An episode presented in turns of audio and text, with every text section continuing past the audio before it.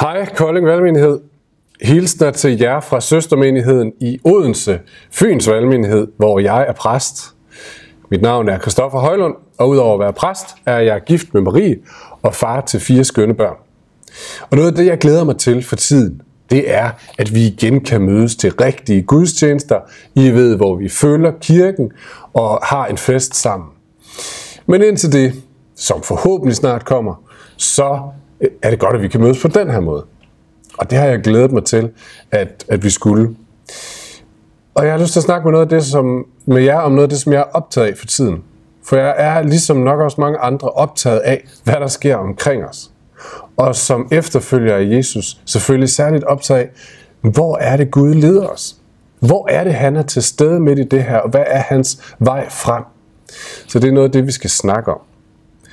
Og jeg ved fra Mads Peter, at I har et visionspunkt, som hedder styrket trosbevidsthed. Og det handler også om at se og forstå, hvad, hvordan ser det her liv ud i med troens briller på, kan man sige. Så det er det, vi skal snakke om. Og vi skal begynde med at læse en tekst sammen fra Johannes evangeliet, kapitel 10, vers 22-30. Og der står sådan her. Så kom festen for genindvielsen af templet i Jerusalem. Det var vinter, og Jesus gik rundt på tempelpladsen i Salomos søjlegang. Der slog jøderne ring omkring ham og spurgte, hvor længe vil du holde os hen? Hvis du er Kristus, så sig os det lige ud.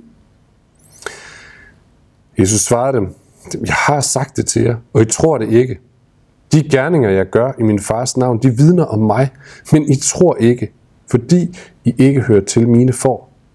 Mine får hører min røst, og jeg kender dem, og de følger mig, og jeg giver dem evigt liv, og de skal aldrig i evighed gå fortabt, og ingen skal rive dem ud af min hånd. Det min far har givet mig er større end alt andet, og ingen kan rive det ud af min fars hånd. Jeg og faderen er et. Amen. Sidste sommer var jeg på Færøerne med min familie, og en af de sidste dage så fik vi lov til at opleve, hvordan det er, når en færøsk landsby tager op i fjellet for at hente deres får om sommeren. Det er jo sådan, at, at folk har nogle får sammen, som går langt ude på de færøske skråninger med udsigt over Atlanterhavet, og det lever de stort set hele året øh, i den her fantastiske natur. Men så på den her dag, så tager alle mænd i landsbyen afsted og får hent fårene. De skal ned, og de skal klippes osv. Og, øh, og, og så ser man ned af skråningerne, de her får komme væltende med mænd i gummistøvler og på ATV'er og øh, øh, med pinde og så videre, og hunde, der jager de her får ned. Og så bliver de gennet ind i en lille bitte fold, og der bliver de taget til side, de bliver klippet, de får en ormekur, og de bliver øh, registreret, og så bliver de sendt tilbage til deres ensomhed resten af året igen. Og jeg kan huske den her gang, eller den, da jeg så det her, så tænkte jeg, det har været en mærkelig oplevelse at være for her.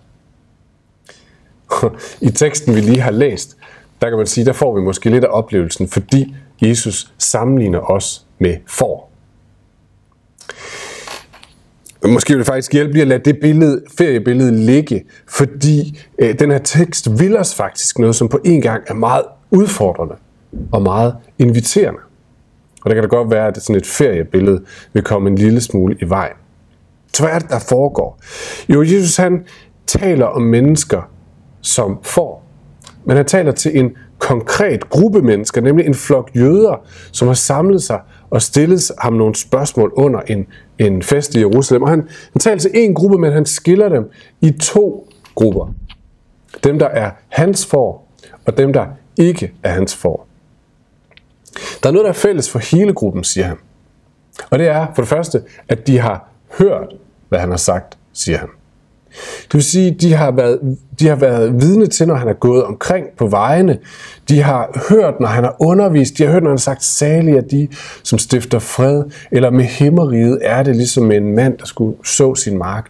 De har hørt hans undervisning. Og så har de set, hvad han har gjort. De har set ham lægge hænderne på syge, som er blevet raske. De har set ham invitere ensomme ind i fællesskab.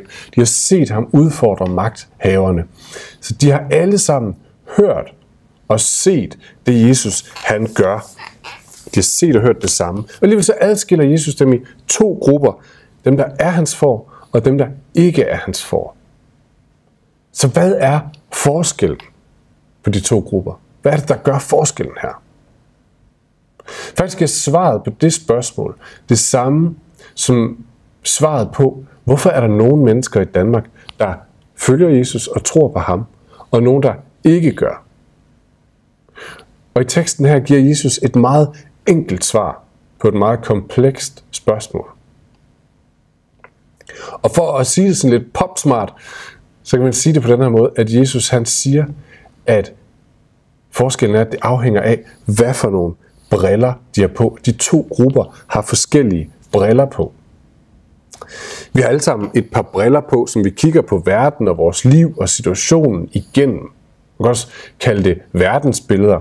Vi har forskellige verdensbilleder. Vi opfatter og forstår verden forskelligt. Så lad mig give nogle eksempler. I et menneskes verdensbillede, så er ondskab og sygdom et udtryk for en straf fra noget guddommeligt. I et andet menneskes verdensbillede, men så er det tilfældigt. Eller et andet eksempel. I et menneskes verdensbillede, så er rigdom et udtryk for det guddommeliges velsignelse. I et andet menneskes verdensbillede, så er rigdom et udtryk for flid og hårdt arbejde. Og i et tredje menneskes verdensbillede, så er rigdom et udtryk for tilfældighed. Vi har altså forskellige briller på, som vi forstår og opfatter verden forskelligt med. Og Jesus han siger, det er som om den ene gruppe her, Jesus taler til, har et par briller på, hvor de kigger på Jesus, de ser det, han gør, de hører det, han siger, og så konkluderer de, hmm, den her mand, han gør noget, som ligger uden for mit verdensbillede, uden for det, jeg sådan normalt forstår. Men jeg kan se, og jeg kan mærke, at det, han gør, det er større, det er skønnere, og det er smukkere, end mit verdensbillede, end det jeg har. Så jeg tager det ind, jeg accepterer det, og jeg lader det forstyrre og udvide mit verdensbillede. For jøderne, som Jesus talte til, så gik de og ventede på Messias, en, en, en profet, eller mere end en profet, som Gud ville sende, som skulle være den konge, som skulle genoprette verden. Og nogle af de her jøder, de har kigget på Jesus og hørt og sagt, set, hvad, hvad han har gjort og sagt, og så har de sagt, det må være den Messias. Det passer måske ikke med mit billede, men det må være ham. Jeg tager imod det. Det er den ene gruppe. Den anden gruppe ser det, Jesus gør, hører det, han siger, og så siger det, men det passer ikke med mit verdensbillede. Jeg kan, jeg, kan, jeg kan ikke få det til at fedt ind her. Så jeg må afvise ham. Det kan være, jeg anerkender, at, at han gør noget, som er ekstraordinært, eller er stort, eller er anderledes, men, men jeg kan simpelthen ikke lide, så jeg afviser hans påstand. Og det må ikke påvirke mit verdensbillede. Jeg tror ikke, de gør det af ond vilje. Faktisk tværtimod, det kan man se på den måde, de, de går til Jesus på. De er fuld af passion og engagement. De spørger Jesus, hvor længe vil du holde os hen? Hvis du er Kristus, så sig os det lige ud. Det er som om, det er, som om de tigger Jesus for et eller andet skudsikkert bevis. Et eller andet sådan helt indiskutabelt. Så de bare, nu, nu kan man ikke diskutere det længere. Og Jesus han siger, det har jeg givet jer. Jeg har snakket med jer. I har hørt. I har set. Men det er som om, I altid finder en bortforklaring. I finder en vej udenom. Det er som om, jeg rammer en mur hver gang. Det er som om, I ikke vil tage imod det, jeg har at sige til jer. Og den her verdensbillede, det her låste par briller, vi har, kan være sådan en mur. Hvis man skulle prøve at komme med sådan lidt en grov generalisering af, af vores fælles verdensbillede her i Vesten, så er der nogen, der har kaldt det et materialistisk, liberalt verdensbillede. Det er en måde at beskrive det på. Materialistisk, fordi vi kun regner med det, man ligesom kan se, måle og røre. Alt uden for det, det, det forstår vi ikke som virkeligt. Så det, der giver mening at bruge sin tid, sin ressourcer og sin energi på, det er ting, som giver mig velstand, som giver mig komfort, som giver mig en oplevelse af nydelse og lykke her og nu. Måske anerkendelse i andres øjne. Og liberalt betyder sådan set bare, at alle har lyst til at gøre, eller har, har, har ret til at gøre det, som de gerne vil. Træffe deres egne valg. Så for et samfund at have et materialistisk liberalt verdensbillede, det betyder det, at alle mennesker har ret til at søge deres materielle lykke i det her liv. Og det kan man jo sige meget godt om. Det er sådan set rigtig godt, at, at alle har den mulighed, men i en tid, hvor truslen fra corona blandt andet udfordrer os, så, så afsløres svagheden også ved det her verdensbillede. Eller det afsløres, hvor mangelfuldt det er, når det bliver det eneste, øh, som vi styrer efter. Når det ikke bare sådan er rammen om vores fælles liv alle sammen, men når det bliver det, som bliver rammen for mit liv. At, at, at, at alt jeg har styr efter, det er, at jeg øh, jager min egen frihed, rigdom og øh, komfort her i det her liv så har vi ikke ret meget. Og så får vi en kultur, hvor vi på den ene side offrer alt for at redde ældre, svage og syges liv, fordi det er jo alt, de har. Det er det, det, er det man kan se og røre ved. Og samtidig, så lader vi dem ligge og dø der over i ensomhed, fordi vi skal da i hvert fald ikke smittes, fordi vores liv er også det eneste, vi har. Og øh, så kæmper vi for det biologiske liv, både deres og vores, men vi fornægter det sjælelige, det åndelige. Det, som er imellem os. Fordi der er ikke sprog for vores verdensbillede. Det, det, det, det regner vi ligesom ikke for virkeligt. Det kan ikke måles og vejes. Og jeg kan godt frygte, at vi med det verdensbillede meget let kommer til at ende i den sidste gruppe af dem, Jesus taler om. Dem, der siger, jeg vil godt se og høre, at det, der sker nogle fantastiske ting omkring dig, men jeg kan simpelthen ikke rigtig lige få det til at passe ind i, i det her, man kan se og røre og, og føle på. Så jeg må afvise dig. Hvad med den første gruppe? Dem, som Jesus kalder sine får. Hvad kræver det at være med i den? Jo, det første, Jesus han siger, det er, de hører min stemme. Man kan også oversætte, at de genkender min stemme. Den anden dag, der sad jeg i sådan et Zoom-opkald, ligesom så mange andre dage før. Men den her dag var lidt speciel, fordi vi var 150 mennesker på det her Zoom-opkald. Og øh, der var ikke sådan helt vildt meget disciplin, så alle mennesker havde ikke myrdet deres mikrofon, så man kunne høre, hvad alle sagde, og man kunne se alle billeder. Øh, og det var et rent kaos. Men så pludselig så, oh, så kan jeg høre, er det ikke? Er det ikke? Og jo, så bladrede jeg lidt rundt i billederne, ganske rigtigt. Midt imellem de her 150 stemmer, så havde jeg hørt en, jeg genkendte, og da jeg fandt hendes billede, så kunne jeg se, jo, hun var der. Jeg genkendte hendes stemme i myldret af stemmer. Mine får hører min stemme. Mine får genkender min stemme, siger Jesus om sin for. Og igen så har det at gøre med de briller, vi ser på verden med. Det er altså muligt, ifølge Jesus, at have nogle briller på, hvor vi genkender Jesus stemme, hvor vi genkender Gud midt i myldret af alt det, som sker omkring os. Mine børn, de har nogle gange, når der er sket et eller andet godt i vores liv, sagt, det var Gud, der gjorde det. Og så har jeg været lynhurtig til sådan at være i gang med at afvise sin, oh ja, eller, også, eller også så var det lægerne, som helbredte hende, eller, eller også så var det nogle de der mennesker, der sendte de der penge, som var skyld i det. Så jeg jager en eller anden logisk årsagssammenhæng, men mine børn, de genkender Guds stemme, Guds finger i hverdagen. Moder Teresa, som kæmpede for de fattigste og de svageste i Indien og andre steder, hun bliver ofte spurgt om, hvad er drivkraften for dig i hele tiden at blive ved med at gå ind til de svageste og de fattigste uden at få noget igen? Og hendes svar var der altid i samme retning. Noget i retning af, jeg genkender det, jeg ser Jesus i øjnene på de fattige og de svage. Hun genkender, hun ser, hun hører hyrdens stemme overalt omkring sig. Ofte når vi læser i, i Guds ord i Bibelen, så kan vi have den samme oplevelse. At ud af myldret af ord og, og fortællinger, så dukker der noget op, og vi siger, hov, det der, det der, det var hyrdens stemme til mig i dag. Det var noget, Gud vil sige til mig i dag. Vi genkender hyrdens stemme.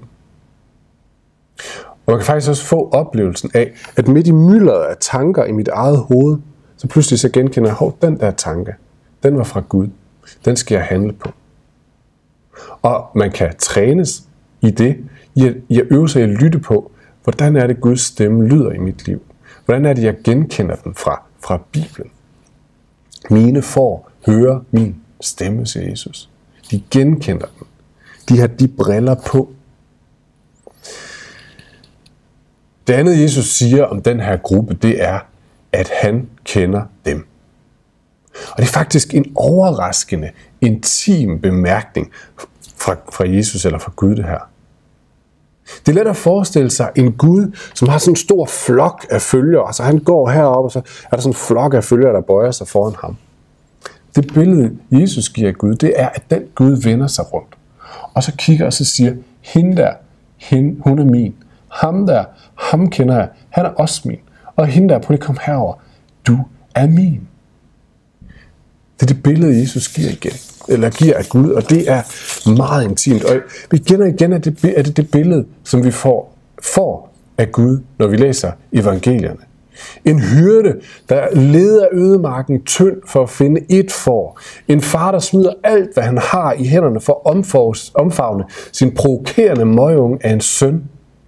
Eller i de her tider, en Gud, der går op og ned af hospitalsgangene, eller ind og ud af opgange og lejligheder, for at finde den ensomme, der sidder og kalder og længes og råber på Gud. Og som forsøger at genkende hans stemme i myldret. Eller som vi fejrede det i påsken for ikke så vældig længe siden. En Gud, der går alene, nøgen, ydmyget til sin egen korsfæstelse, for at kunne gå ind i døden og hente alle dem i mørket, som råber på ham. For at han kan give dem evigt liv, siger teksten så videre. For at de aldrig i evighed skal gå fortabt, og for at ingen, ikke engang sygdom og død, skal kunne rive dem ud af hans hånd. Og så læg lige mærke til en ting, som jeg tror er vigtigt at understrege, særligt for os, der er i sådan karismatisk prægede menigheder. Gruppe 2, dem som Jesus kalder hans for, dem, de er ikke karakteriseret ved en eller anden sådan særlig egenskab, eller en eller anden sådan åndelig øh, egenskab, evne ud over andre, andre sådan en særlig følsomhed eller lægning for det åndelige, eller sådan et eller andet andet. Nej, det er de faktisk ikke. De er nærmere karakteriseret ved det modsatte. De overgiver sig til Jesus. De forsøger ikke at finde bortforklaringer og afvise det gode, han gør. Nej, de overgiver sig bare til det. Siger, okay, der er noget her, som er større end mig. I stedet for at prøve at, at, at bortforklare det, så tager de bare imod det. Så de lader Jesus nedbryde deres verdensbilleder. Og de lader ham tage deres briller af og puste dem. Og give dem et par nye briller på måske. Og når de får de briller på, så opdager de, hov, jeg er allerede elsket. Jeg hører allerede til hos Gud. Jeg behøver ikke længere kæmpe for at blive set, for at blive anerkendt, for at blive beundret, for at accepteret. Jeg er allerede elsket. Og så ser de også, Gud lægger en vej foran mig og gå. Mine får følger mig, siger Jesus. De hører hans stemme, jeg kender dem, og de følger mig. De følger ikke længere det, som sådan giver mest mulig øh, glæde, eller tryghed, eller komfort, eller sådan et eller andet andet. Nej, de følger hyrden. Nogle gange, som vi læser i salme 23 i det gamle testamente, til grøn, grønt græs og bløde enge og stille vand. Og nogle gange ud på fronten til de fattigste, de svageste, de sygeste, de ensomste, de hårdeste, de barskeste. Der hvor hyrden leder. Men de ved, at de behøver ikke være bange, fordi de er altid allerede elsket. Jeg blev mindet om et citat for nylig, og jeg kan rigtig få det til at passe ind nogen steder, så nu siger jeg det bare. Jeg synes, det er så godt. Det er Astrid Lindgren, der skriver i sin fantastiske bog Brødrene Løvehjerte, øh, hvor jeg tror, det er den ældste søn, Jonathan, der siger sådan her til sin lillebror Karl. Nogle gange, så må man gøre ting, også selvom det er farligt. Ellers er man ikke et menneske. Så er man bare en lille lort. Det kan man kun sige, hvis man ved, at jeg er en del af noget større. Min fortælling slutter ikke med mit liv. Ja, hvis man ved, jeg har en hyrde, som har kæmpet for mig, som har vundet mig, og som har et evigt liv, som jeg får lov at være en del af. Og i det her liv, så får jeg bare lov til at give hans kærlighed videre, kæmpe for det gode, som han gør. Og uanset hvad der sker, så er jeg i hans hånd. Den første gruppe, for lige at slutte hos dem, dem som Jesus kaldte ikke mine for. Nogle af os vil måske genkende os i den gruppe og sige, jeg hører og ser, hvad Jesus siger, jeg har så svært ved at få det til at passe ind. Jesus, kan du ikke give mig et klippefast bevis? Prøv lige at lægge mærke til, hvad Jesus han siger til dem. For han afviser dem ikke og siger, så hører du ikke til her. Jeg tror faktisk, han sender dem tilbage. Han sender dem tilbage til det, de har hørt, og til det, de har set. Prøv lige at se på det. Prøv lige at smage på det. Prøv lige at tænke, om ikke du vil lade dit verdensbillede forstyrre af det. Af noget, som er skønnere, smukkere, sandere, mere meningsfuldt, end det, som verden har tilbyde. Og så kan det godt være, at det forstyrrer det verdensbillede, vi har nedarvet. Men i den her tid har det alligevel vist sin ringe værdi, sin skrøbelighed, sin forløbighed. Det holdt ligesom, så længe verden så sådan her ud med vestlig velstand og så videre, men det holder ikke, når tingene smuldrer. Vil du ikke nok lade det udfordre af det, som er større? Gå tilbage, siger Jesus. Hvad var det, I så? Hvad var det, I hørte? Må det have lov til at forme dit verdensbillede. Fordi så skal du få lov til at se mig. Se mig i det almindelige. Se mig i hverdagen. Og det tror jeg er Jesu invitation til os. Så lad os slutte med at bede sammen. Almægtige, stærke hyrde og Gud. Tak fordi, at du er en Gud, der kender os. Vi er ikke usynlige eller ligegyldige i dine øjne. Vi er værdifulde og elskede. Lige der, hvor vi er. Vi sidder i vores sofa, på vores værelse, i vores seng, ligger på sygehuset, der hvor vi er. Så vi er dine børn. Du ser os, og du elsker os. Tak for det. Tak fordi du er en Gud, der taler. Du vil i kontakt med os. Du vil pulse vores briller. Du vil give os nye briller på. Du vil vise os verden, sådan som du ser den. Jesus, lær os at genkende din stemme. Og Jesus, der hvor vi har svært ved at få dig til at passe ind i vores verdensbillede, vil du så tage vores verdensbillede under kærlig behandling? Vil du vise os, hvor det halter? Vil du bryde det i stykker? Vil du give os et nyt? Så vi får lov til at se og erfare mere af din storhed, af din skønhed.